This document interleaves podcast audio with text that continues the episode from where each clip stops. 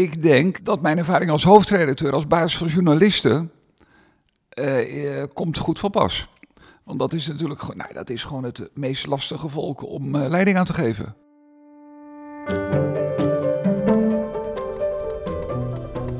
Draaien en keren. Kijk wel uit wat je doet, hè?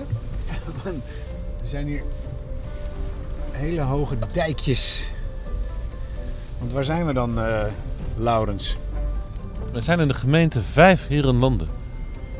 Voor mij onbekend terrein. De stadjes heten Leerdam, Vianen, dat soort eh, plekken. Dus iets onder Utrecht. Eigenlijk op de, ja, eh, precies op het grensgebied tussen Utrecht, Gelderland en Zuid-Holland. Oké, onbekend terrein. Maar ik... Gemeente die ook eh, pas niet zo heel lang bestaat. Hè? En ze hebben er zelfs een stukje Zuid-Holland-Utrecht van gemaakt. Om die gemeentes allemaal samen te kunnen voegen. En waarom zijn we hier, Laurens? Hier woont onze oude baas. Onze oude baas van BNR Nieuwsradio is hier de burgemeester. George, George Freulich. Sjors Freulich. Ja, Sjors. Sjors burgemeester. Ja, en daarmee eh, eh, ja, kwalificeert hij dus om eh, te kunnen optreden in de binnenkamer. Dus ja, dat, die stond al heel lang op ons lijstje, toch? Om ons bij onze oude baas langs te gaan. Midden in de weilanden. Kijk eens. Wat is dat, Laurens? Een fazant. Goed zo. Prachtig beest. We zijn er bijna, nog twee kilometer. Dit is de binnenkamer. Ik ben Harmen van der Veen en samen met Laurens Boven ga ik op visite bij politici van toen en nu. Een bezoekje in het hoofd en hart van bevlogen bestuurders. Oké Laurens, volgens mij is het hier naar beneden. Zouden we goed zitten? Ik eh, ben heel benieuwd. Het is een soort boerderij.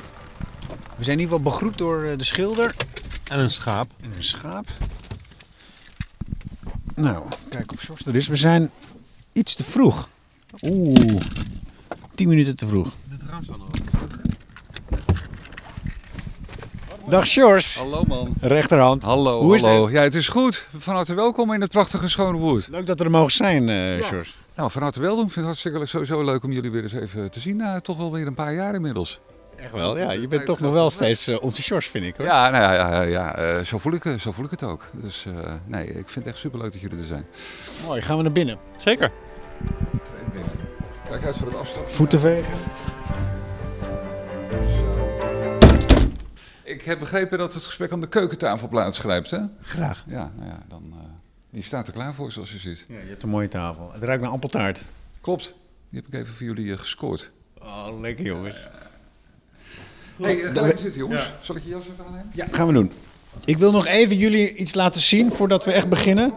Ik had nog een verrassing. Ik dacht voor deze speciale gelegenheid heb ik iets extra's meegenomen. Het is geen bedrijfsdiefstal, maar ik heb er nog drie. Ah, geweldig. Oh, wat leuk. Geweldig. Nou, die gaan we gebruiken vandaag. Drie plopkappen van BNR. De kleurencombinatie alleen al, die eh, doet mijn eh, hart eh, sneller kloppen. We gaan aan de slag. Aan tafel. Yes. Wie zei dat ook alweer? Laurens, aan jou de openingsvraag. Ja, George, wat was je aan het doen op het moment dat wij eh, nou, eh, het, het dijkje kwamen afrijden? Het dijkje, de, Ja. de enorm hoge dijk kwamen Ik, afrijden. eh, nee, ik, ik, ik, eh, ik was even wat, wat mailtjes aan het lezen. Eh, we hebben gisteravond en eergisteravond twee hele lange grote raadsvergaderingen gehad. Ge- eh, Eergisteren duurde tot kwart voor één en gisteren tot kwart voor twaalf. Dus eh, daar, daar was nog even wat eh, correspondentie over en weer. En eh, ik krijg dan, hè, als er raadstukken zijn aangenomen, komen die in mijn mail, zodat ik ze kan tekenen elektronisch. Dus dat is een beetje altijd mijn, mijn ochtendritueel na de raadsvergadering. Oké, oké. En het staat vrijdag. Ja. En is dan vrijdag ook een beetje een thuiswerkdag? Om dat soort nou, dingen... vrijdag is wel een wat een rustigere dag, omdat heel veel vaste afspraken eruit, die zijn niet op vrijdag. Waar ik de vrijdag voor gebruik, behalve nu voor jullie, is dat ik elke vrijdag zo'n beetje ga wandelen, twee wandelingen ga maken met inwoners. Dus die hebben kunnen mailen van, joh, eh, wil je wandelen met de burgemeester? Zeg maar waar ik me moet melden en waarom. En dat is zo verschrikkelijk leuk. Dat is eigenlijk begonnen een beetje in coronatijd en vlak na coronatijd. Omdat er natuurlijk heel moeilijk verbinding was te maken met de inwoners, fysieke verbinding. Toen ik net burgemeester was. En eh, dit was eh, een hele mooie manier om eh, met mensen in contact te komen. En soms hoor je klachten of grote grieven. En soms zeggen mensen, ik vind het gewoon leuk om even een uurtje met je te lopen. En, En te zijn dat praten. dan eh, alle rangen en standen? Ja, echt alles. Mhm. Ja, echt, echt Dus letterlijk Ondernemers, alles. eh, Ondernemers, huisvrouwen. Mensen in een rolstoel die zeggen, joh, eh, loop even met mij mee. Wat ik elke dag naar mijn werk moet doen om daar te komen. En met stoepjes en dat soort dingen. En ben je dan echt alleen? Ja, ja, ja, zeker. Je hebt niet nog een ambtenaar of een Nee, nee, secretaris? nee, of... nee, nee, Oké. nee, nee. Maar wat ik wel doe natuurlijk is, al als er, eh, laat ik zeggen, klachten zijn, dat ik dat opschrijf en wel daar iets mee doe. hè, Dat doorgeven. Ik zeg ook altijd aan de voorkant van, ja jongens, het is niet zo als je met de burgemeester gaat wandelen dat morgen alle problemen zijn opgelost. Maar bijvoorbeeld die mevrouw in die rolstoel. Die, eh we hadden de stoep vernieuwd in Leerdam. En dat was vroeger, ja, die was helemaal weggezakt. Maar dat was voor die rolstoel handig, want kon zo oversteken. Dus die stoep was vernieuwd, maar die was gewoon 15 centimeter hoger geworden. En zij moest dus eh, iets van 200 meter doorrijden om daar naar een oversteekplaats te komen. Ja, dat deed niemand bij na, want in goede bedoelingen was die stoep gerenoveerd. Recht getrokken, mooi Ja, strak. mooi strak en hoog. Nou, en toen hebben we, ja, ik geef dat door. En ja, dan zeggen ze bij ons bij het buitendienst ook, ja, eh, niet aan gedacht. Dus dat is nu een heel mooi, en dat was gelukkig binnen twee weken was dat geregeld. Dus die mevrouw hartstikke blij. En dat zijn dus hele kleine dingen die voor iemand individueel heel erg belangrijk zijn. En, en dat komt uit zo'n wandeling voort. Ja, Ja, en en dan vind- heb je, ja. dan, dan, je, bent, je bent hier burgemeester van vijf herenlanden. Mhm. Ik ben nooit zo'n heel erg grote fan van al dat soort fusiegemeentes die dan namen hebben die eh, eh, nou ja, zo'n zo'n zo'n zo'n zo'n hoe noem je dat? Zo'n collectief gebied moeten beschrijven. Ik woon zelf in de Ronde Venen. Ja, maar Denk ik vind ook dat wat altijd van, ja, anders. de Ronde maar Venen. kijk, Vijf Herenland, dit gebied heet Vijf Herenlanden. Dit, dit, dit is de Vijf Herenlanden. Dus eh, het is een hele mooie naam, vind ik, omdat die vijf heren, dat is precies dit gebied. Hè. Je Dat hebt is historisch is er een band tussen al die dorpjes. Ja, zeker. Want dat zijn er zeker. hoeveel? 17 ongeveer. Twee stadjes, eh Vianen en Leerdam. En Ja. dan nog 14, 15 dorpen. Ja, en buurtschappen en dat soort... eh, Ja. Nee, maar toch, weet je, je, je hebt, volgens mij heb je me wel eens verteld dat jij echt een, een, een la hebt met ik weet niet hoeveel burgemeesterskettingen. ja, want, want elk dorp had natuurlijk vroeger zijn eigen burgemeester. Zeker, en, zeker, en jij, ja. bent nu, jij erft, je Ketens. de hebt in feite al die ja. Kettingen geërfd. ketens. Ketens. Ketens. Want een ketting Hond zit ligt- op een fiets, hè? Ja, of een hond ligt aan de hond ketting. ligt aan de ketting, Ja, burgemeester heeft een keten. Ja, Ja. ja. Nee, ik heb het zelf al, ik, ik, ik, ik, ik woon in Apkoude. Ja. Dat, heb- dat heb ik verklapt toen we daar, want we hebben ook de een, Ronde Venen, ja. ja, eh, we hebben ook daar een uh, Maarten. Dievendal. eh Inderdaad, je kent hem. ja, zeker. Die ken ik heel goed. Eh, ja. Ook provincie Utrecht, net Ja, als dit. ja. Maar ehm, ja, die, de burgemeester die woont dan toevallig in Apkoude. Ja. Ehm, maar ja, ik heb niet het gevoel, Apkoude is een jaar of wat geleden gefuseerd met de Ronde Venen. Ik heb niet meer het gevoel dat ik nou deel uitmaak van de gemeente. Dat Nee, is heel ver weg, want dat is Meidrecht, dat is aan de andere kant van Ja. de snelweg. Dat is een heel christelijk dorp. Apkoude Ja. is heel liberaal, Amsterdams. Nou, kijk, ik vind de Ronde Venen nog wel eh, iets aparts, omdat daar echt wel hele grote verschillen zitten. Maar heel eerlijk gezegd hier ook. Hè. Vianen is echt eh, qua cultuur en karakter anders dan Leerbroek. D- dat, eh, Leerbroek is een, eh, laat ik zeggen, een echte SGP-gemeente. Vianen was vroeger al een vrijstad, hè, dus liberaal denken. Dus dat heb je hier ook wel. Maar het is wat mij betreft ook absoluut niet de bedoeling. Ik woon hier in dit dorpje Schonewoerd, waar ik al twintig jaar woon. Ik blijf gewoon in Schonewoerd wonen. En ik wil dat het in mijn dorp goed geregeld is als inwoner. Dus we hebben ook gezegd, ook, ook met de nieuwe gemeente, met de fusiegemeente. Kijk, het samengaan, je bent als gemeente, heb je gewoon een veel grotere vuist te maken. Bijvoorbeeld in de provincie tegen het Rijk. We hebben gewoon meer in de melk te brokkelen dan vroeger lag Leerdam in Zuid-Holland. Nou, met alle respect. Op het provinciehuis in Den Haag wisten ze echt niet waar Leerdam of Meerkerk lag. Geen idee. Terwijl wij nu in Utrecht, ook een wat kleinere provincie, met de gemeente Vijfherenlanden echt een factor zijn. We zijn de, grootste gemeente van de hele provincie als het gaat om oppervlakte. Met 60.000 inwoners staan we ook wel vrij hoog in eh, het aantal inwoners per gemeente. Dus je hebt echt een positie die we voorheen Nee, sure, maar ondertussen heb jij de, ben je dus burgemeester van een stuk of 17 eh, eh, dorpen en steden. Mhm. en, en, en, en, en jij moet dus voor verbinding zorgen. Ja, zeker. Ja, hoe zeker. doe, hoe doe je dat, behalve wandelen? Nou, dat, dat is een hele belangrijke al hoor, dat wandelen. Vergis je Ja. niet. Eh, Wat vind je dat leuk, dat wandelen? Ja, vind ik geweldig. Echt superleuk. Omdat, weet je, eh, die verbinding maak ik ook een beetje, daar hoef ik niet zo heel veel voor te doen, omdat ik hier vandaan kom. Ik kom uit Meerkerk, Ja, je dat is bent- onderdeel, eh, onderdeel van onze gemeente. Ik woon hier al heel lang. Ja. Eh, dus ik ken de gemeente en de gemeente kent mij wel. Maar ik probeer inderdaad die verbinding te maken door ja, met enige regelmaat natuurlijk een- zoveel mogelijk naar die kernen, de dorpen en steden toe te gaan. Ik, wij hebben nu nog drie gemeentehuizen, Vianen, Lidam en Meerkerk. Nou, daar verdeel ik ook door de week mijn tijd over. Hè. Dus eh, globaal twee dagen Lidam, twee dagen Vianen, raadsvergadering in Meerkerk. Dus eh, ja, je probeert zoveel mogelijk overal te zijn. Het is best wel een stukje lastiger voor mij dan voor bijvoorbeeld... ehm, mijn voorganger in Vianen was vroeger gewoon, drie jaar geleden, burgemeester van Vianen. En dat betekent dat de burgemeester elke dag over de Voorstraat liep. In die prachtige stad naar het gemeentehuis. En eh, was daarmee ook heel zichtbaar in die stad. Nou, ik kan niet elke dag in alle eh, 17 dorpen en steden zijn. Dus Dus, je- eh, dus dus je je, moet er iets harder aan trekken. Dus Zeg je maar. bent aan de ene kant minder zichtbaar. ja. En aan de andere kant is jouw functie misschien wel belangrijker dan, dan, het, dan het ooit was. Omdat, omdat jij bent Nou. ook de eerste van deze nieuwe gemeente, toch? ja, ik ben de eerste kroonbenoemde burgemeester van deze nieuwe gemeente. Ja. gemeente. Ja, ik weet niet of het veel belangrijker is. Vroeger, nee. eh, eh, wat, wat, wat wel zo is, is dat ik probeer om verbinding te maken. Inderdaad, door, door er te zijn, maar ook door natuurlijk eh, gewoon, eh, eh, in mijn geval Twitter, social media te gebruiken. Maar ook andere media. Om op die manier in verbinding te staan. En dat Ja. lukt ook heel erg goed. Is dat iets, een, een voordeel wat jij hebt, jouw media-wijsheid? Die je als, als, als journalist, Ja. als radiomaker. Eh, Nou, kijk, het is natuurlijk echt wel een voordeel dat je. eh, t- eh, tot drie jaar geleden ben ik al eigenlijk alleen maar met communicatie bezig geweest. Op allerlei niveaus en manieren en vormen. Ja, natuurlijk is dat een voordeel. En dat heeft mij ook heel erg geholpen in de coronatijd. Kijk, je moet je voorstellen, ik kwam als nieuwbakken burgemeester in die kring van eh, 26 burgemeesters in Utrecht. Waar een aantal burgemeesters eh, al heel lang zit. Het heel goed doet, heel ervaren. En dan kom ik van de zijkant binnenvliegen. Zonder bestuurlijke ervaring. Ja, dan zit iedereen ook wel een beetje te kijken. Nou, we zijn benieuwd. En toen kwam corona. En eh, corona was ehm, voor dan- voel je dan- burgemeesters. eh, sorry, voordat je over Ja? corona gaat praten, want ik wil, we moeten het echt even over hebben, wat Ja. er toen allemaal gebeurde als Ja. burgemeester.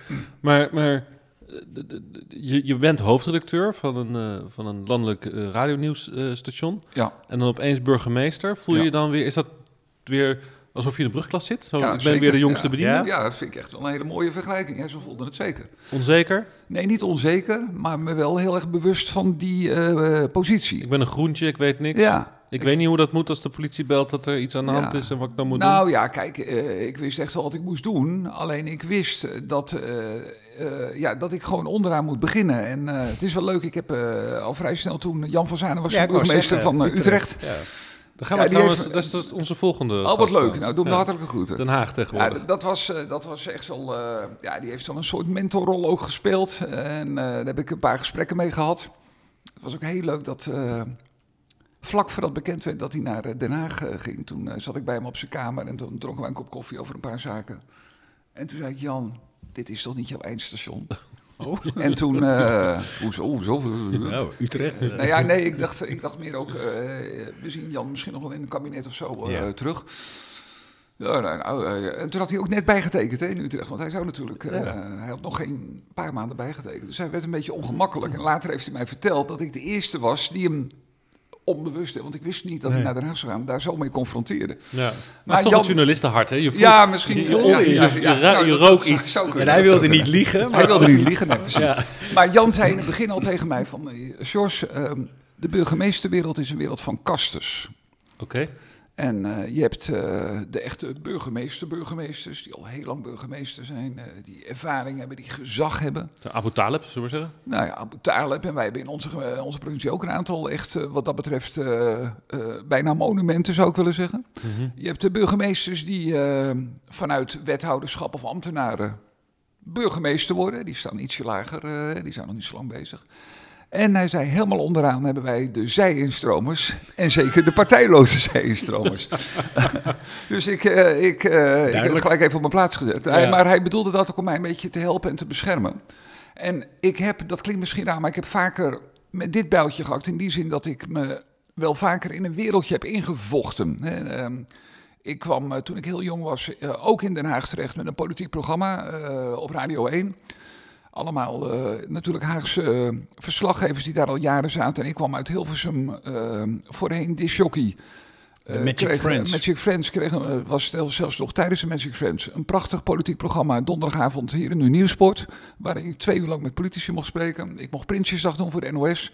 Dus had echt iets van, wat is dit joh? Maar dachten ze ook, dat is een DJ, draait plaatjes. Ja, is, tuurlijk dachten ze is daar dat. niet slim genoeg voor? Ja, ja, ja. Dus ook onder... onder Ja, onderaan beginnen. Ik Ja. heb het bij de Tour de France gehad. Hè? Ja. Eh, eh, daar werd ik opeens door Ferry de Grote, chef sport van de NOS, op de motor gezet als slaggever. Dat is gewoon de A1-positie, de triple-A-positie in de Tour. En er zaten natuurlijk allemaal mensen om mij heen die al 20, 30 jaar in de Tour zaten. En ik kom daar binnen en word op de motor gezet. En mijn eh, manier is dan om redelijk rustig en stilletjes te beginnen, maar wel heel erg mijn best te doen en te laten zien dat ik het kan. En dan langzaam, en dan moet je gewoon één of twee jaar vooruit trekken, dat mensen zien, oké. Ja, maar door heel door rustig en stilletjes te zijn, zegt de, zet de chef sport jou niet op de motor. Nee, En maar zegt de NOS niet ik- tegen jou eh, van laten we, ga jij maar eens Prinsjesdag presenteren. Nee, nee, maar Dus- wat dus ik de- bedoel, je moet- nee, dus dat werk dat moet je heel goed doen. En, daar Nee, maar er zit dus ook een stap voor dat, dat ze iets in jou zien. Tuurlijk, tuurlijk, eh, tuurlijk En- zien ze wat in mij. Natuurlijk heb ik waarschijnlijk op bepaalde manieren talent. Maar het gaat er mij meer om dat je je bewust bent van je positie als, eh, als eh, jongste nieuweling. Eh, en, en dan niet met een hele grote, arrogante hoofd Mhm. zo doe je dat nu ook, En zo doe ik dat nu ook. Ja. Buma he- zei een keer iets heel moois, burgemeester Buma. Ehm, hij, hij zei, althans, ik had een voorgesprek en toen waardeerde een hoge ambtenaar waardeerde een bepaalde manier van werken van hem als burgemeester. Hij zei, hij kwam ergens binnen en dan zei hij, wat is mijn rol? Toen dacht ik, oh, oké, eh, weet je dat dan niet? Is dat, eh, is dat niet een beetje dom dat je dan hè, de burgemeester bent en dat je vraagt, wat is mijn rol? En toen begreep, begreep ik later, ook, ook door nou, wat, wat mijn vrouw notabene zei, die nu loco is, Ja. Ehm, dat is een hele goede vraag Ja, voor een burgemeester. Ja, wat, Ja. eh, kan je dat toelichten? Wat, wat, wat is mijn rol? Is dat, is dat iets typisch? Want, want je geeft ook aan dat jij ook altijd op zoek bent naar je rol. Ja, zeker. dat je Ehm, er zeer zelfbewust over bent. Ja, kijk, in, in de radiowereld wist ik die rol wel heel snel te vinden. Die, die had ik ook al in mijn vingers en, en eh, durfde ik daar ook wel wat risico's in te nemen. In deze wereld in het begin natuurlijk niet. Dus eh, je moet je ook heel erg verlaten op de mensen om je heen. Dus ik heb een hele goede gemeentesecretaris, een hele goede griffier. Eh, ik had wat sparringpartners qua burgemeesters. en op een gegeven moment ga je natuurlijk ook kijken welke mensen in de ambtelijke organisatie jou echt kunnen en willen helpen. En er is wel één heel cruciaal moment geweest. Dat was eh, toen, eh, vlak nadat ik eh, er was, ehm, ik een eh, kennismakingsgesprek had met iemand van de eenheidsleiding van de politie.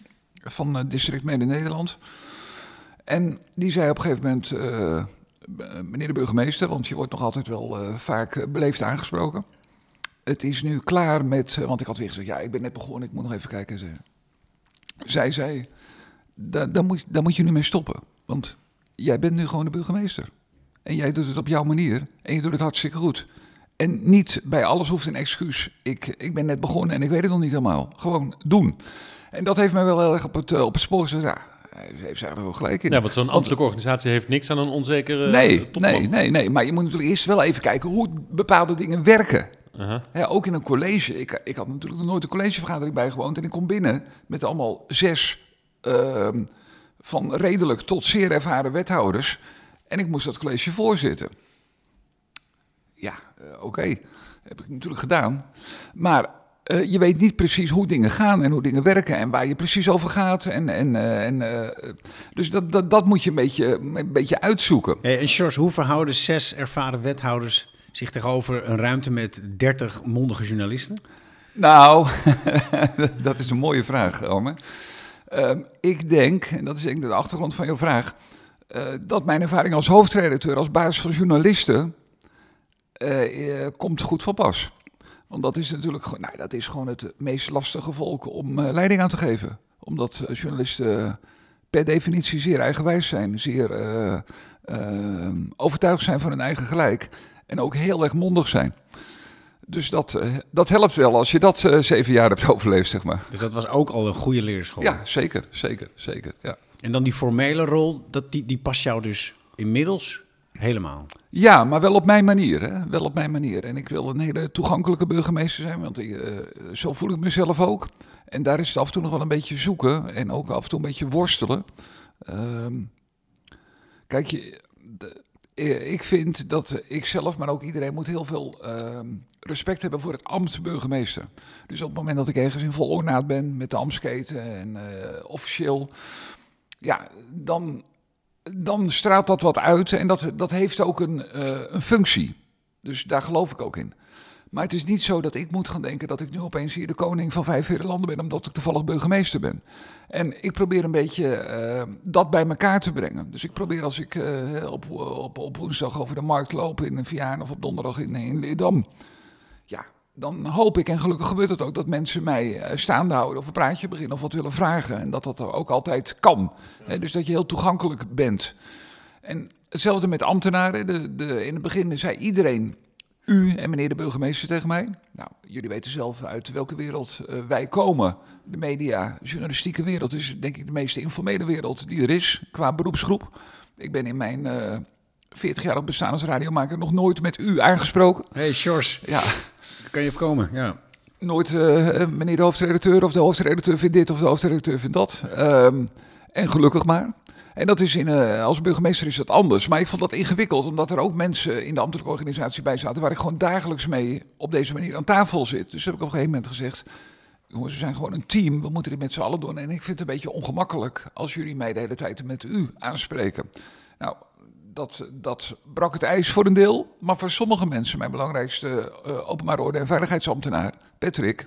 Ik, ik zeg gewoon Patrick die noemt mij nog altijd meneer de burgemeester en spreekt mij met u aan. Kan ik Om, omdat, hij, omdat, hij, omdat hij, hij zegt, Ja, ik dat heb dat nodig. ja. Terwijl wij echt Maar dat- meerdere malen per dag contact hebben. Dat definieert namelijk ook zijn functie. ja. ja, dat is het. Dat en is en het. dat is jouw Ja, rol ja, gewoon. Want ja. je, bent een inst- je bent een instantie Ja, eigenlijk, ja, meer dan, ja, dan Sjors. Zeker bij Ja. orde en veiligheid. Ja. Dat, Eh, ja. Dan gaat het niet over Sjors en Patrick, maar dan gaat het over de politie. eh, En de macht. Ja, en- ja. nou ja, de, ja, Ja. de, de- Maar je bent natuurlijk in, in die zin ben je een notabele, hè? zeker in zo'n gebied als dit. Mhm. Met allemaal die dorpjes. Hè? Je had Ja. de burgemeester, de notaris, de schooldirecteur. Hè? Dat, dat waren natuurlijk de, de mensen die hier... Vergeet de dominee niet. De eh, dominee en de, ba- bankdirecteur. Hè? Ja, dat, de dat, bankdirecteur ook, Dat ja. waren natuurlijk de mensen die hier de zaken Ja. runden. Ja, ja. Dat is wel veranderd hoor. Dat is wel veranderd. Ja. Eh, dat heb je niet meer echt. Maar het is wel zo dat Maar er natuurlijk... zit spanning in. Als je aan de ene kant wil je, wil je gewoon een gezellige buurman zijn. Aan Ja. de andere kant zien mensen jou ook. Ja. Hebben mensen dat ook nodig? eh, dat er een gezagsfiguur is. En, Ja. die, en, en ook voor de, voor de functionering van zo'n Ja. gemeentebestuur. Nee, Kan je een voorbeeld geven dat je echt eh, hard moest zijn? Ja, eh, meerdere eh, helaas. Ja, Ja, natuurlijk. maar onaangenaam hard voor, voor burgers? Bepaalde Ja, manier? nee, dat heeft. eh, mensen komen uiteindelijk natuurlijk bij een burgemeester terecht als er iets bijvoorbeeld in een, in een vergunningssituatie helemaal misgaat. Alles geprobeerd en ten einde raad. Ja, en dan, dan willen ze een gesprek met je. Nou, dat gesprek ga ik natuurlijk altijd aan. En dan laat ik me heel goed voorlichten van, jongens, is er echt niks mogelijk? Nee, er is niks mogelijk. En dan is het eh, gewoon wat het is. Nou, ik je een concreet voorbeeld eh, wat nu speelt. Eh, in een van onze dorpen, hij in Boeikop. Dat, dat is een klein dorp met een hele mooie grote brede wetering. Zo'n grote brede sloot naast de hoofdweg. En daar hebben inwoners zelf een fantastisch mooi waterspeeltuin gebouwd. In de sloot. Met een trampoline en schommels en weet ik wat allemaal zelf gebouwd. En echt wel goed ook hoor. Niet, geen, Geen, troep. geen plastic rommel. Nee. Maar eh, het is openbare ruimte, daar zijn wij verantwoordelijk voor. En eh, je kan niet zomaar wat bouwen in de openbare ruimte. Ten eerste mag dat niet qua vergunning. Daarvan denk ik dan van, nou, oké, weet je, eh, als mensen daar lol van hebben, dan moeten we daar niet te moeilijk over doen. Maar je zit wel met het aspect veiligheid. Dus we hebben een paar keer opmerking over gemaakt en, op een gegeven moment gezegd, ja, jongens, en het was ook al een vrij drukke doorgaande weg. Dit kan gewoon niet meer. Dit kan echt niet meer. Nou, het was een heel moeilijk gesprek. We gezegd, oké, we laten het keuren. Door eh, de instantie die ook al onze gemeentelijke speeltuinen keurt. Ja, die zeiden, ja, wij kunnen dit niet keuren. Dit is gewoon zelf gebouwd. Dat, dat is niet te keuren. En dat, als wij het keuren, moeten we het afkeuren. En dan moeten we de inspectie eh, op de hoogte brengen en dan moet je hem gelijk weghalen. Dus dat hebben we toen ook maar niet gedaan. Maar daar heb ik vorige week wel het definitieve gesprek mee gevoerd. Beste mensen, voor de kerst moet hij weg zijn. Ja, dat is niet leuk. Want eh, wat is dan precies het probleem? De, de veiligheid. als iemand Ja, daarvoor dus. ongelukt. Nou, om, omdat je niet kunt garanderen eh, dat het daar veilig is en er gebeurt wat. Met En een dan kind. maakt, het, dan maakt het uit of dat ding in een achtertuin staat van iemand of dat het Ja. op de openbare weg Ja, staat. maar dan zijn jullie als gemeente Omdat jij dan aansprakelijk. bent? Nou, het gaat, me niet om de, het gaat me niet om het geld of om de aansprakelijkheid of, of, of om de verzekering. Ik ben daar dan wel verantwoordelijk voor. en- maar waarom?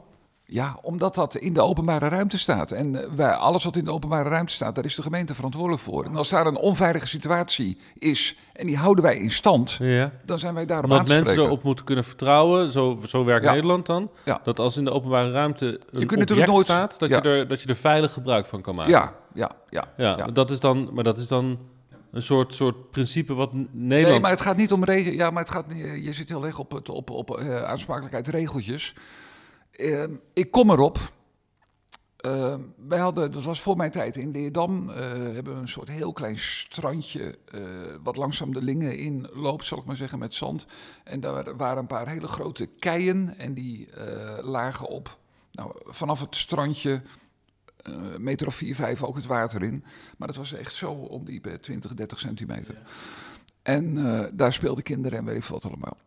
En daar is op een paar jaar geleden een eh, jongeman eh, vanaf eh, die steen het water ingedoken. Nou, dat is niet goed afgelopen. Het dacht was, dat het was lazy, die, dat denk ik. Ja, Nek gebroken. dacht.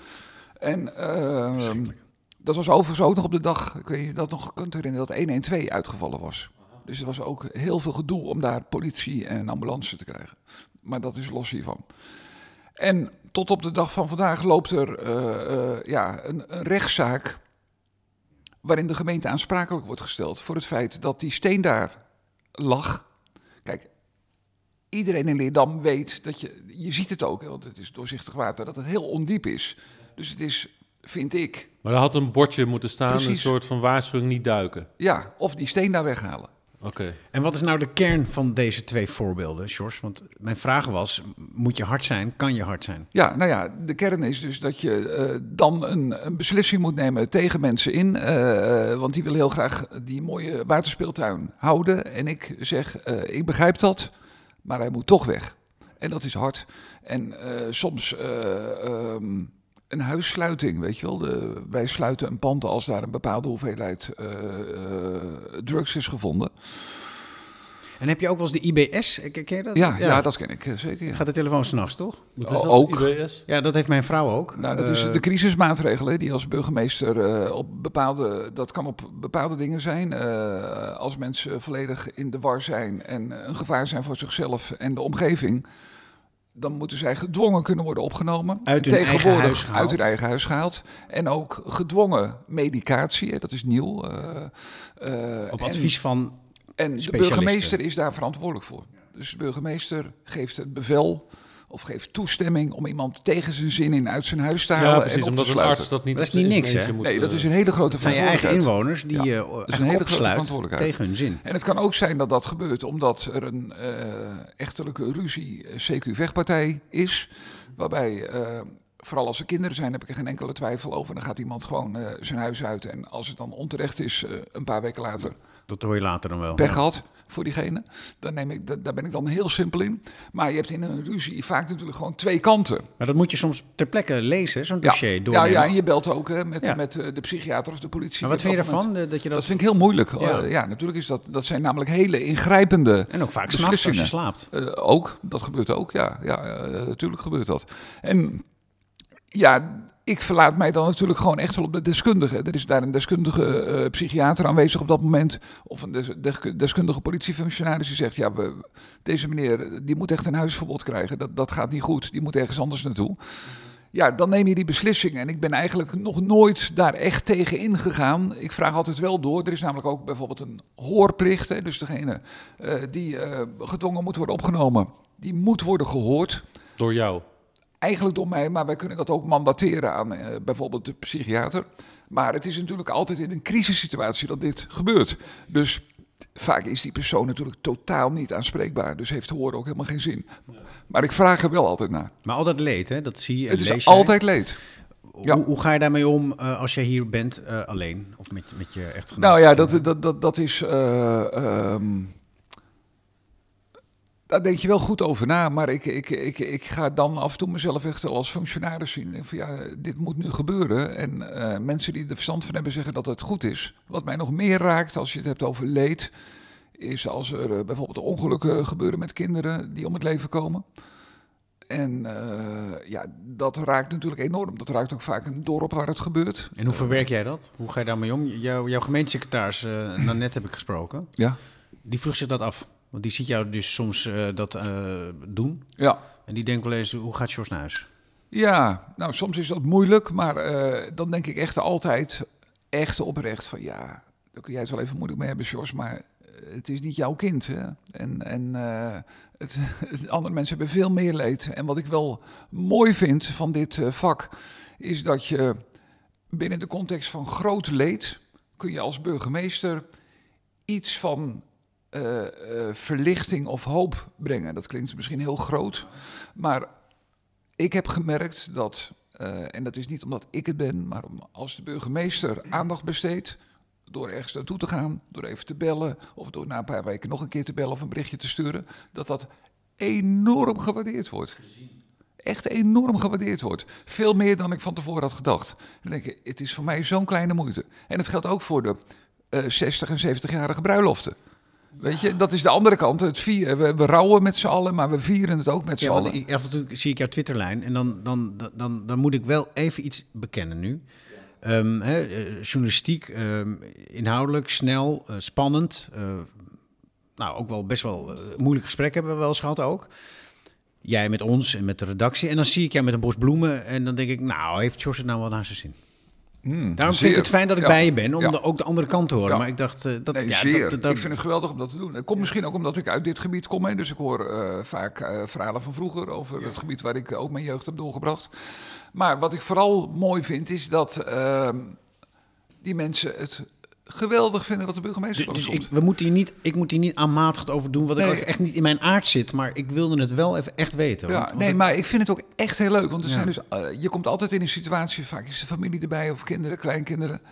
Je komt altijd in een vrolijke bende terecht.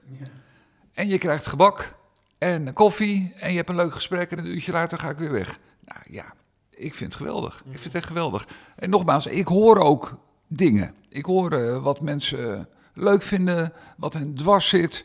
eh, wat ze met z'n allen hebben meegemaakt. Hè, dat eh, meneer 40 jaar geleden op de, op de glasfabriek in Lidam is begonnen. En hoe het er toen uitzag.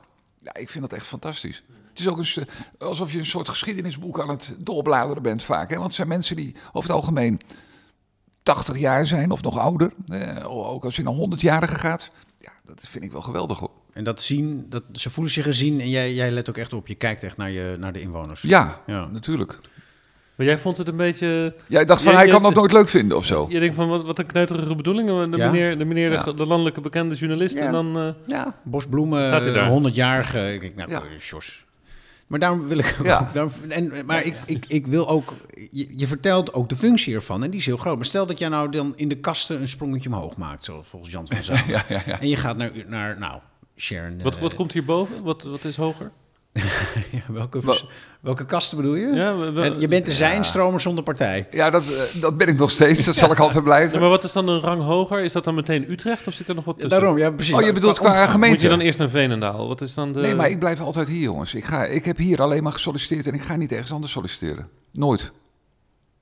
Omdat het huis nou ook hier staat en zo. Nee, omdat ik hier vandaan kom, dan Dus dit, is mijn het. plek is. Je Dit mag, is het. Je mag nog een keer? Dat weet ik niet. Dat Nee, worden we over drie jaar. Uiteraard, Eh, maar dan, je mag twee termijnen? Nee, je mag zo lang als je wilt tot je 70 bent. Oh, dat wel weer.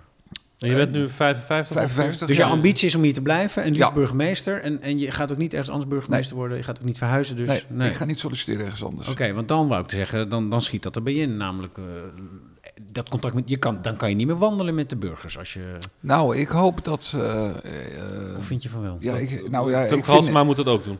nou, niemand moet wat voor mij. Maar eh, ook al ben je burgemeester van een hele grote gemeente... dan hoop ik toch echt... En ik weet, ik bedoel, ik ken Sharon Dijksma goed...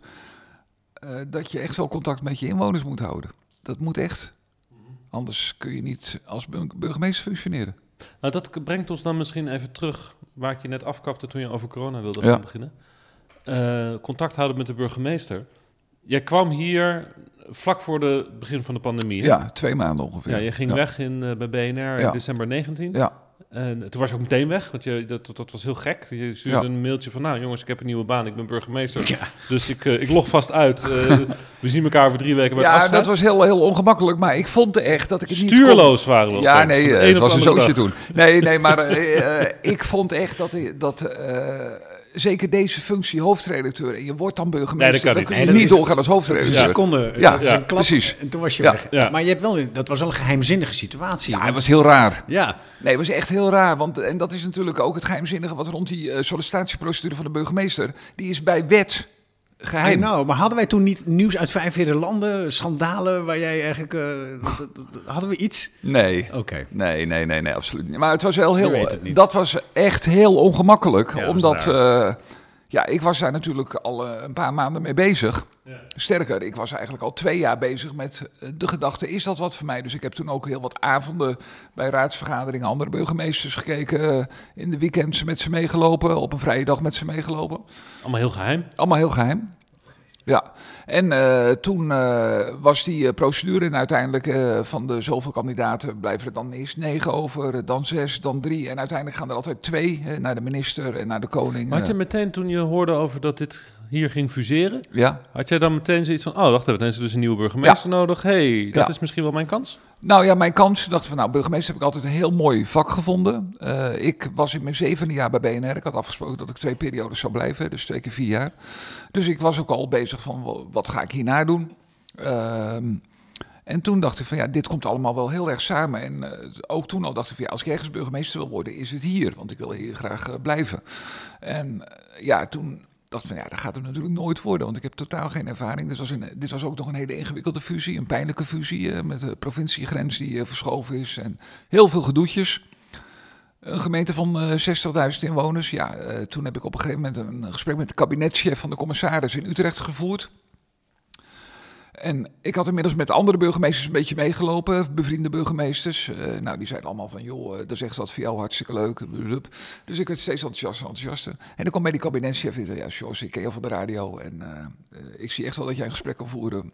Maar laten we even eerlijk zijn, totaal geen ervaring, ingewikkelde fusie, 60.000 inwoners. Dit ligt niet voor de hand. Zo, zei hij het. Oké. Dus het was een soort En dacht jij, gelukkig reality er check. niet over. Dat Nou, je- nou, hij gaat er wel degelijk over, want hij adviseert de commissaris en de commissaris bepaalt wie er naar de vertrouwenscommissie Dan moet je gaat. even slikken. Ja, nou, maar de, gemeenteraad die... eh, de gemeenteraad gaat er uiteindelijk over, maar het eerste poortje wat je neemt als je solliciteert is de commissaris van de koning. Serieus? Die, die sorteert, die selecteert de brieven? die selecteert de brieven. Ja, ja. Oké. Dus eh, nu is het wel zo dat de Ik gemeenteraad kan. daar mijn, mijn democratische hart gaat daar Nee, daar nee, maar samen. eh, daar eh, kan ik je wel in geruststellen. Want het is wel zo dat alle brieven ook naar de gemeenteraad, naar de vertrouwenscommissie gaan. En de vertrouwenscommissie kan ook altijd zeggen: hé, hey, commissaris, u heeft eh, Pietje niet doorgestuurd, die willen we toch wel graag spreken. En dan eh, mag Pietje ook. Maar de eerste schifting hè, eh, is door de commissaris van: eh, is die, laat ik zeggen, geschikt voor het ambt? En eh, wie, wie je dan neemt, dat, dat, dat is aan de, aan, de, aan de raad. En hij dacht, niet zo geschikt. Nee, dat dacht hij niet. Maar hij zei het, hij zei het, eh, hij zei het anders. Hij zei van, dit ligt niet voor de hand. En eh, toen, eh, ik inderdaad een beetje sip eh, hier in huis. En toen heb ik s'avonds nagedacht. En toen heb ik hem s'avonds gebeld. Ik zei, Bas, meneer Thomas, zei ik... Uh, ik heb heel goed geluisterd uh, naar wat je zegt. En je bent de eerste die inderdaad uh, eigenlijk mijn spiegel voorhoudt. En het is voor mij een extra motivatie om door te gaan. Hij zei, nou, dat vind ik heel mooi en ik wens je heel veel succes. En, en dat meende hij ook. Hè? En nou, toen ben ik die procedure ingegaan. Maar wel met in mijn achterhoofd, ja, dat gaat hem echt niet worden. Maar ik vond het ook leuk om een keer het hele proces te doorlopen en mee te maken. Uh, dus uh, ja, ik dacht dat ik het niet zou worden. Echt tot op het laatst dacht ik dat ik het niet zou worden. Dat was een woensdagavond, zou gebeld worden. Dat was de uiteindelijke ultieme gemeenteraadsvergadering. Wie wordt de nieuwe burgemeester? Maar ja, het was bij BNR natuurlijk ook een beetje ingewikkeld. Ik denk, ja, als, als ik vanavond burgemeester word, dan moet ik dat in één keer bekendmaken. En, en dan moet ik toch ook even nadenken, hoe wordt mijn functie ingevuld uh, voor de time being? Dus toen heb ik besloten om een week daarvoor afgaand onze adjunct uh, Mireille en onze directeur Eugenie in te lichten. Ik zeg van, uh, dames, ik heb jullie iets te vertellen. Ik ben niet aan het shoppen, ik ben geen werk aan het zoeken. Dit, dit is het ook, maar het kan zijn dat ik volgende week woensdagavond burgemeester ben. Ja, die uh, donder natuurlijk van hun stoel af. Maar die waren wel heel blij dat ik het uh, vertelde, omdat we dan uh, daar een beetje wat dingen konden klaarzetten, zal ik maar zeggen. Was dat eigenlijk tegen de wet? Nee, je mag wel, ja, ik weet, eh, nee, nee, want die vertrouwens, die... Uh, nee, je mag altijd over je eigen soort Precies, de geheimhouding ligt bij de, bij de, bij de vertrouwenscommissie. maar het is natuurlijk niet handig om dat te gaan vertellen. Nee, maar uh, journalisten kunnen een paar dingen heel goed. En dat is in principe ook wel iets geheim houden. Ja, ja, ja. ja precies. En uh, ja, toen woensdagavond werd ik gebeld van... Uh, ja, u bent het geworden. En dan denk ik, oké. Okay, ja, dan, dan denk je ook van... Ik moet nu allemaal mensen gaan... Hè, want ze zeiden ook, we gaan over een kwartier het bekendmaken. Oh shit. Ja, ik had natuurlijk wel nagedacht van ja, wie moet ik allemaal een berichtje sturen? Dus ik had gewoon een heleboel mailtjes en mailgroepen en eh, appjes en appgroepen klaar met het bericht. En dat heb ik allemaal in die 10 minuten op cent gedrukt, Hey, zodat iedereen dat bericht kreeg. en George, was dit nou nooit gebeurd als je niet ziek was geworden en je stem had verloren? Ja, dat is een goede vraag. Ehm, ik denk het niet. Maar als ik niet ziek was geworden en een probleem met mijn stem had gekregen, dan was ik denk ik ook geen hoofdredacteur geworden bij BNR. Dus weet je, Want dan was je gewoon radiomaker Ja. gebleven bij de publieke. dat denk presentator. ik. Dat denk ik. Dat Ja. denk ik. Want ik vond dat geweldig werk en ik had geen enkele aanvechting om iets anders te gaan doen. Want hoe om- is dat om als radiostem je stem te verliezen? Ja, dat is eh, lastig. maar ehm, kijk, op een gegeven moment. eh, het, eh, het begon heel. ehm, heel, hoe zou ik het zeggen? ongemerkt. Spasmosische... Spasmodische dysfonie. Ik heb het opgeschreven. SD mag je het noemen ook. SD. Ehm, het begon natuurlijk heel, heel geniepig. Ik denk van ja, het, zit gewoon niet lekker, het klinkt niet helemaal lekker. De mensen spraken mij ook een beetje op aan. En eh, nou ja, verkoudheid die, ver, eh, die, die, die ik heb laten zitten. En, dus ik heb eh, vrij lang over gedaan om te achterhalen wat ik nou had. Ook allerlei eh, ingewikkelde therapieën gedaan. En, eh, maar toen op een gegeven moment is die diagnose gesteld, eh, spasmodische dysfonie. En ehm, toen, ja, wist ik ook dat dit een, eh, een ziekte was die, eh, die niet overgaat. Want wat is het? Het is eigenlijk ehm, als je zenuwen verkeerde signalen aan je spieren geven. Dus soms heb je dat op je ooglid of op je arm, zo'n trillend spiertje. Zeker. En dan kun je, dat kun je niet uitzetten. Nee. Nou, ik heb dat op mijn stembandspier. Ook nu. Ook nu nog steeds een beetje, maar daar is dus aan gewerkt. Kijk, de, remedie was eh, botox spuiten. Dus dat heb ik een, eh, een jaartje gedaan. Dan wordt in je stembandspier wordt botox gespoten. In je mond gaan ze met nee, een naald? nee, gewoon een naald hier. Gewoon in je Een keel. Stroom. Eh, Ze gaan eerst dus, ze moeten de spier zoeken. Dus er gaat eerst een injectienaald aan een apparaat gaat erin. Jeetje, en dan dan lig je krijg je zo'n piep, piep, piep, piep, piep, piep, piep, en daar zit hij. Nou, dan hebben ze de naald goed en dan gaat er een heel klein beetje botox in. Want je moet er niet naar spuiten. Wat er dan gebeurt is een verlamming natuurlijk, hè, want dat doet botox eigenlijk. Ze verlamt je spieren, waardoor ze niet meer kunnen verkrampen. Nou, dan begin je met fluisteren, want je spier valt helemaal uit. Maar botox werkt uit. Dat, dat houdt op een gegeven moment weer op. En op een gegeven moment zit je op een soort optimaal niveau... dat eh, de verlamming groot genoeg is om die kramp eruit te halen... maar dat je wel je stembanden voldoende kunt bewegen om geluid te maken. Dat duurt een paar weken en dan moet je weer met botox aan de gang. Dus ik moest ook de hele tijd heel erg timen van... ja, ik heb in juni iets wat ik wilde doen, bijvoorbeeld iets presenteren of weet ik veel wat. Dus dan moet ik rond 20 mei moet ik dan de spuit krijgen. Want dan ben ik eerst 10 dagen bijna zonder stem. En dan half juni is hij op zijn best. Dus zo zat ik de hele tijd vooruit te denken. Je kon eigenlijk gewoon niet meer praten bijna. Nee, ik kon bijna niet meer praten. nee. Hoe is dat? Ja, dat is is- als een verschilder blind wordt. Ja, nee, het is heel vervelend. Eh, eh, ehm, ehm, en het rare is, omdat het natuurlijk het komt uit je zenuwgestel. dus eh, fysiologisch is alles prima in orde met mijn stembanden.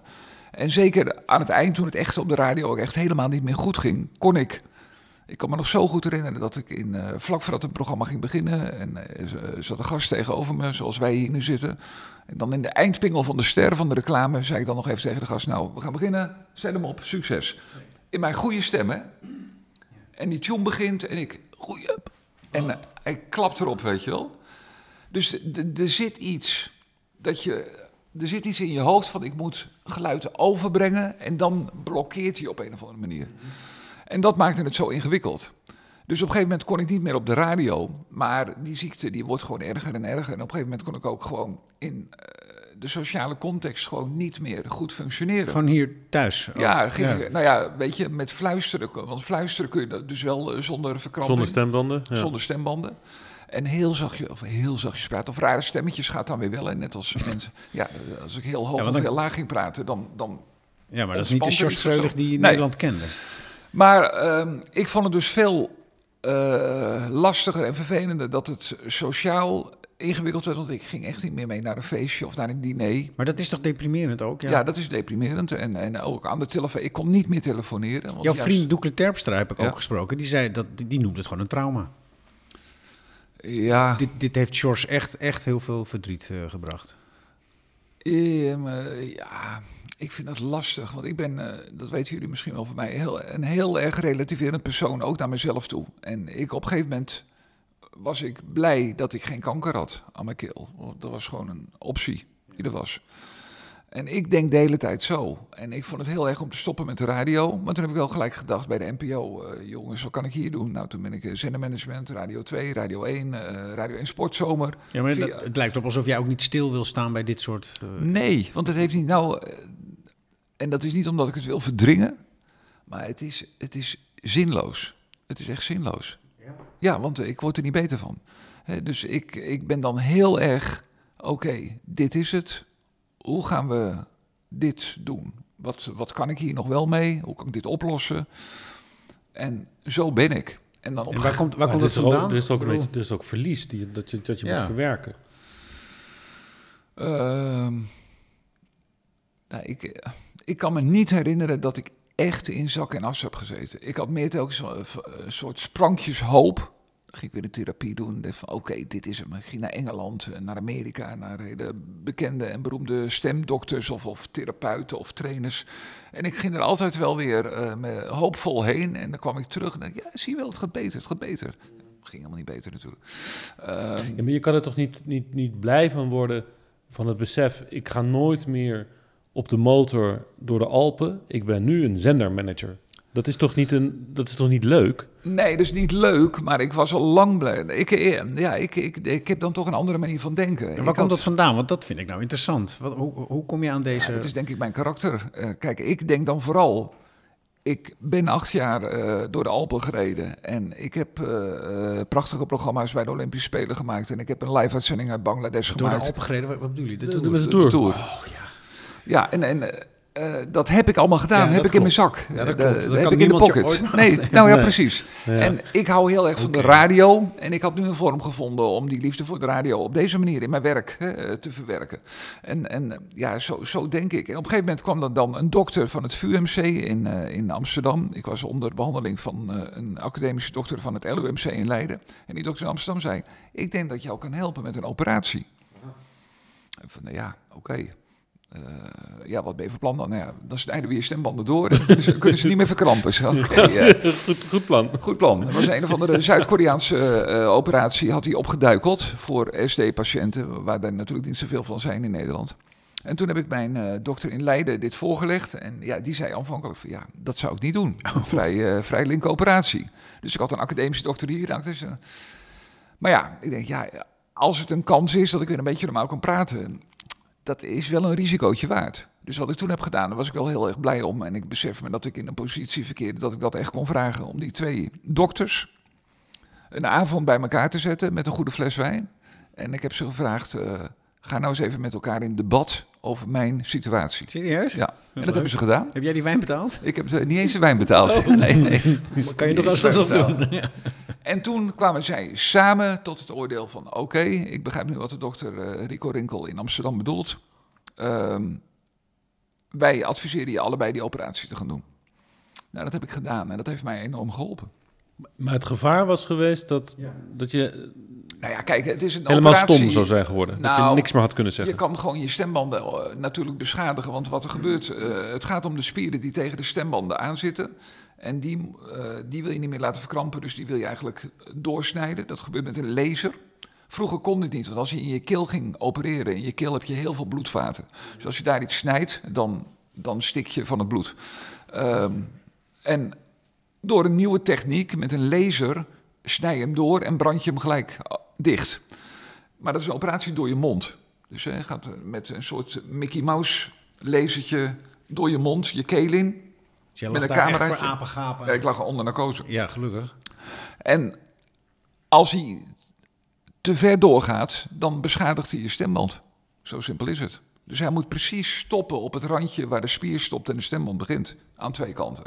Ja, de- Want als de stemband beschadigd raakt, dan, dan, dan kan je... krijg je eh, of geen stem, of eh, bijna geen stem. Of, Maar eh, toen had je hem terug, eh Ja. George. Maar uiteindelijk ben je niet teruggekeerd op de radio. Nee, omdat ik echt vond en vind, en je hoort het nu ook nog eh, Ja. bij Maar Tijd je stem is niet te Wijlen. oude. Dat is Nee, eh, dat ik, ik vond mijn stem niet goed genoeg voor de radio. Maar ik kon wel weer een heleboel andere dingen doen. Maar is het vermoeiend, praten? Nou, ligt eraan. Nee, dat valt wel mee. Soms als, als er heel veel omgevingsgeluid is, als je echt je stem moet verheffen, dan ben ik wel moe. Of als ik echt een hele dag heb moeten praten. Maar dat had ik vroeger ook. Ja, dan ben je gewoon moe. En dit kost dan iets Maar meer kan je nog schreeuwen? Ja, dat kan. Kan toch wel? Het- Ja, dat kan. Nee, maar eh, en ook ik heb, eh, dat is wel leuk. Vorig jaar ging, eh, ging er een echte officiële UCI wielerronde hier eh, door, eh, door de omgeving. En toen Ja. heeft eh, de organisatie mij gevraagd, dus ik op Eurosport uitgezonden, of ik nog één keer op de motor verslag Ah. wilde doen. Nee. En dat was geweldig. Dat was, en dat ging als een speer, weet je wel. Want ook in die hele slechte tijd qua stem, op het moment dat een van mijn kinderen eh, de straat overstak en ik zag een auto aankomen, was mijn stem er. Sterren, Twan! Weet je wel, dan, dan, dan, dan was hij er gewoon. Eh, dus ik, eh, ik kon nog wel schreeuwen. En, en mijn stem was ja, eigenlijk wat hij nu is. Maar het kan dus ook gewoon een, eigenlijk een psychologisch probleem zijn geweest. Nou ja, het is in elk geval een neurologisch probleem. Ja. En daar zit natuurlijk een... eh, Aansturing, ja. draadjes. En natuurlijk, weet je, bepaalde omstandigheden maken dat, dat, dat, dat het ne- neurologisch niet helemaal werkt. Maar ik heb nergens een, een trauma kunnen herkennen waar dat door komt of zo. Ja, ja oké. Dus het is wel een... Dr. Terpstra zei dus dat het een trauma is. Maar als ik jou er zo over hoor praten, dan is het meer iets... Wat, wat er is gebeurd en, en waar je een, mee bent proberen om te gaan. Ja, ja. Maar eh, zo, misschien heb ik dat wel heel geforceerd zo voor mezelf gemaakt. En dat kan best. Om, eh, omdat dat Zelfbescherming mijn, misschien. precies, mijn manier is om te overleven met zoiets. Ja, Maar ik denk heel erg, ja, ik, ik had inderdaad heel erg in zak en as kunnen gaan zitten. Van ja, mijn leven, mijn leven was de radio. En de radio stopt, mijn leven stopt nu. Ja, dat, dat gevoel heb ik echt nooit gehad. nee. Eh, jij werd dus burgemeester. Nou, toen brak de pandemie uit. Ja. En er lijkt mij niks vervelenders dan dat je eerste handeling als burgemeester is het afvaardigen van een noodverordening om de markt te sluiten. Ja. Want dat was zo'n beetje wat er gebeurde. ja, dat was wat er gebeurde, ja. Dat was wat er gebeurde. Ja, dat was natuurlijk heel eh, surrealistisch. Omdat je opeens in een situatie eh, komt dat ook iedereen naar de burgemeester kijkt. eh, van, eh, we- wat gaan we doen, hoe gaan we doen? Ja. Terwijl jij ook. bedoel, de, de, de, de, de, bestuurlijk ontstond er een hele rare situatie bij corona. De, Ja. Opeens waren de processen Ja. die eigenlijk niet vastgelegd waren in wetgeving, Nee. die eigenlijk iedereen deed maar wat, Ja. zeg maar even oneerbiedig. In ieder geval liep het via de veiligheidsregio, veiligheidsregio Utrecht. Ja. En, en, en dan was er nog een soort hoofdoverleg van de veiligheidsregio's met de ministers. Dat waren zeg maar de bazen van de veiligheidsregio's. Die namen samen met de minister de besluiten. En jij kreeg gewoon een fax, denk ik. Nee, Eh, fax, nee, nee, nee, het is ook En jij moest tekenen Nee, en, en uitvoeren, niet- terwijl je nauwelijks kon meepraten. Ja, nee, dat is niet helemaal correct wat je zegt. Kijk, ehm, ehm, wij gingen heel snel in wat ze noemen grip 4. Ja. En dus daar, daar is gewoon een protocol en een procedure voor, waarbij eh, de voorzitter veiligheidsregio eh, bevoegdheden heeft. Ja, dat is de burgemeester kan- van Utrecht, hè? dit, eh, bij ons is dat de burgemeester van Utrecht. En die kan inderdaad dan de burgemeester overwoelen. Het is niet zo dat de directeuren van de veiligheidsregio's met de minister de, de, de beslissingen namen. Nee, eh, het kabinet, de minister, neemt de beslissingen. En dan druppelt het door naar beneden met eh, hoe dat moet worden uitgevoerd. En uiteindelijk komt dat dan op lokaal niveau bij de burgemeester terecht. Van dit mag niet meer. Dit, eh, dus ga het maar regelen. Ga die, ik kan me ook nog herinneren, er was een keer op zondag dat, dat we om vier uur met z'n allen hoorden... om vijf uur moeten alle restaurants dicht. Ja. Op zondag. Ja. Dus wij overal mensen vandaan halen. Ga maar alle steden en dorpen in. eh, ga maar zeggen, jongens, een bordje leeg eten en wegwezen. Ja, dat is natuurlijk, als je dat over vijf jaar vertelt, kun je het bijna niet meer voorstellen dat dat gebeurde. Maar er was inderdaad, iedereen was natuurlijk aan het, dit was natuurlijk zo'n grote crisis. Vooral hè, de, de, de, de, de maatregelen naar aanleiding van de crisis. Dat was ongekend. En hoe Dat- lang, hoe lang was je in het ambt? Um, eh, twee maanden denk ik ongeveer. Ja, twee maanden, ja. Dus je kende net de politieagenten die Ja, het hier eh, ja, zeggen hebben. ja, en, en opeens... Ja, dan moet je dat samen en dan moet je dat echt samen gaan doen. En eh, in Utrecht, in de provincie Utrecht, hebben we dat met alle eh, 26 burgemeesters echt helemaal samen gedaan. Mhm. En tot, tot de dag van vandaag, want de veiligheidsregio speelt nog steeds een hele grote rol, bijvoorbeeld bij de opvang eh, van, eh, van vluchtelingen. Ehm, doen wij dat met z'n allen hier. En dat gaat heel erg goed. Hè. Wij, vergaderen eh, voorafgaand en na een veiligheidsberaad met elkaar wat, hè, wat de lijn wordt. Eh Shannon Dijsma had heel goed informatie Ja. op bij de andere burgemeesters. We, Dus- weten, we weten inmiddels, dat was toen, misschien had, nou, dat was eigenlijk mijn vraag, had je dat door, maar inmiddels weten we het allemaal, dat die ehm, noodverordeningen die Grapperhaus in Den Haag eh, opstelde, Ja. dat die helemaal niet rechtens waren. Nee, ik dat denk- sluiten van die restaurants, wat je net benoemde, Ja. Dat was niet gebaseerd op, een, op, op, op recht. Ja, dat, die discussie durf ik niet echt aan te gaan. Want als dat echt zo zou zijn, dan zou je nu allerlei rechtszaken krijgen eh, van restaurants eh, die eh, zeggen dat was onterecht. Nou, mij is in Den Haag verteld, volgens mij vrij hoog in de ministeries, Hm. als daar op dat moment ehm, eh, restauranthouders tegen de politieagent hadden gezegd die voor de deur stond om te zeggen dat het dicht moest, van nou, laat maar Hm. zien, op basis waarvan, dan was, waren, eh, was het bestuur nat gegaan. Dat geloof ik niet. Dat geloof ik niet. Want er zijn natuurlijk echt wel rechtszaken ook van eh, bepaalde mensen die corona niet zo serieus namen. Er zijn rechtszaken geweest eh, tegen de maatregelen. Ja, die zijn stuk voor stuk verloren allemaal. Want Maatregelen zijn uiteindelijk vaak mag een, aangekondigd, maar de, de, de, waren de teksten waren er nog Maar allemaal. wat maakt het uit? Nee, de, de, de- in de procedure, omdat alles heel snel moest, tuurlijk. Maar Ja. uiteindelijk, eh, in zo'n procedure heeft bij de zogenaamde A-ziektes, hè, en corona is tot Ja. A-ziekte gelabeld, heeft de minister van VWS zeer verregaande bevoegdheden. En die worden dan overgedragen aan de minister van Justitie en Veiligheid om eh, daar wat mee te doen. Nee, waarom het uitmaakt, Harmen? Jij vraagt van waarom maakt het uit? Het maakt uit omdat natuurlijk... Dit was de, de- het begin van de crisis. Ja, Hè? Toen was ja. er nog een soort van gevoel... we staan met z'n allen eh, collectief als Ja, Nederland voor, een, voor een probleem. Gedurende die coronajaren is natuurlijk het bestuur... op een aantal momenten steeds meer tegenover de burgers komen staan. Ja, en daarom dat het uitmaakt. Wat natuurlijk de, eigenlijk Ja. de verhoudingen zijn. Maar, Ja. maar dan, oké, dan wil ik weten hoe Sjors dan zich daarbij eh, positioneert. Want, ja, want, want, want jij door- bent dan het gezag. Ja, ik ben het, ge- of, Tegenover- de- het gezicht van het gezag. Precies. En ik heb Twee eh, moeten, moeten, moeten uitleggen aan eh, winkeliers eh, dat ze dicht moeten. Cafés, restaurants, eh, mensen die ten einde raad waren. Ik heb ook, en dat heeft mij geholpen, klinkt misschien raar. eh, ik heb in onze gemeente zijn denk ik wel eh, rond de 70 mensen overleden direct aan corona. Echt veel. Ehm, ik heb eh, van eh, de meeste de nabestaanden gesproken en gehoord wat de verhalen waren. Ik heb ook mensen gesproken die op het randje hebben gelegen en weer terug zijn. Dus ik, ik, ik had donders goed door hoe ernstig de situatie was. En dat heeft mij geholpen in die moeilijke gesprekken met ondernemers en eh horecamensen, campings. En, en, en, Maar dit is weer die verbinding die je dan aangaat met je burgers één op één. Ja. Door ze te bezoeken, zoveel mogelijk. Nou, vooral ja, te bellen, want we- omstandigheden. We, we mochten niet Contact te zoeken, Contact te zoeken, zeker. te nemen. Zeker. Kijk, dat kan een burgemeester van Utrecht natuurlijk veel minder makkelijk. Dat is zo. Dat is zo. Dus, dus, ja. dus dit past Ja. jou. ja, dit past mij. Dit past mij. De En crisis ik is, heb het is ook nodig. groot en werelds. En jij pakt het aan klein en jij zegt dit past me en ik heb het nodig. Dus, dus, dus de- die balans is... Dit is de omvang die jij wil, hebt en kan. Ja, ja, want ik heb hier eh, inderdaad eh, contact met, met, eh, met mijn inwoners. En ik heb dat heel erg nodig gehad. En ik ben ook sommige dingen, want kijk, ehm, of het nu wel of niet juridisch eh, klopt, eh Laurens. eh, ik heb ook maatregelen voor mijn kiezer gekregen die ik niet begreep. Die ik gewoon niet begreep, die ik ook niet kon uitleggen. En er waren natuurlijk ook burgemeesters die zeiden van nou, laat maar waaien hè, op sommige punten. Want, Ja. En Dit dan, ga ik dan niet ben ik heel erg, eh, precies, Ja. heel erg conservatief. Ik denk van, dat kan niet. Als, als de minister dit oplegt, dan ben ik als burgemeester, moet ik dat gewoon uitvoeren. Ook als je het zelf niet ja, begrijpt. ook als ik Want het zelf niet begrijp. Halsema, Halsema heeft volgens mij eh, soms gezegd, dit ga ik niet handhaven. Ja. Ja, Ja, dat, dat is niet jouw dat- stijl. Dat heb ik niet gezegd. nee. Ik heb wel, eh, ik kan me heel goed herinneren, dat, dat had te maken met de sluiting van restaurants en campings en eh, horeca. En wij, hadden, wij hebben hier aardig wat campings in, in de buurt. En ik was bij een situatie waarbij één camping bijna grensde aan de andere camping. En die campings konden niet open omdat het sanitair niet gebruikt kon worden. Dus de, camping mocht niet open. Ehm, toen op een gegeven moment ging de horeca open. Nou, als je de horeca open doet, dan heb je natuurlijk het toilet ook open, dus sanitair open. En ik had één camping met horeca en daarnaast de camping zonder horeca. En het was dus zo dat die ene camping wel open mocht en die andere camping niet open mocht. Nou, toen ben ik naar die andere camping gegaan en zei: Beste meneer, ik kan dit niet uitleggen, dus ik ga ook geen poging doen.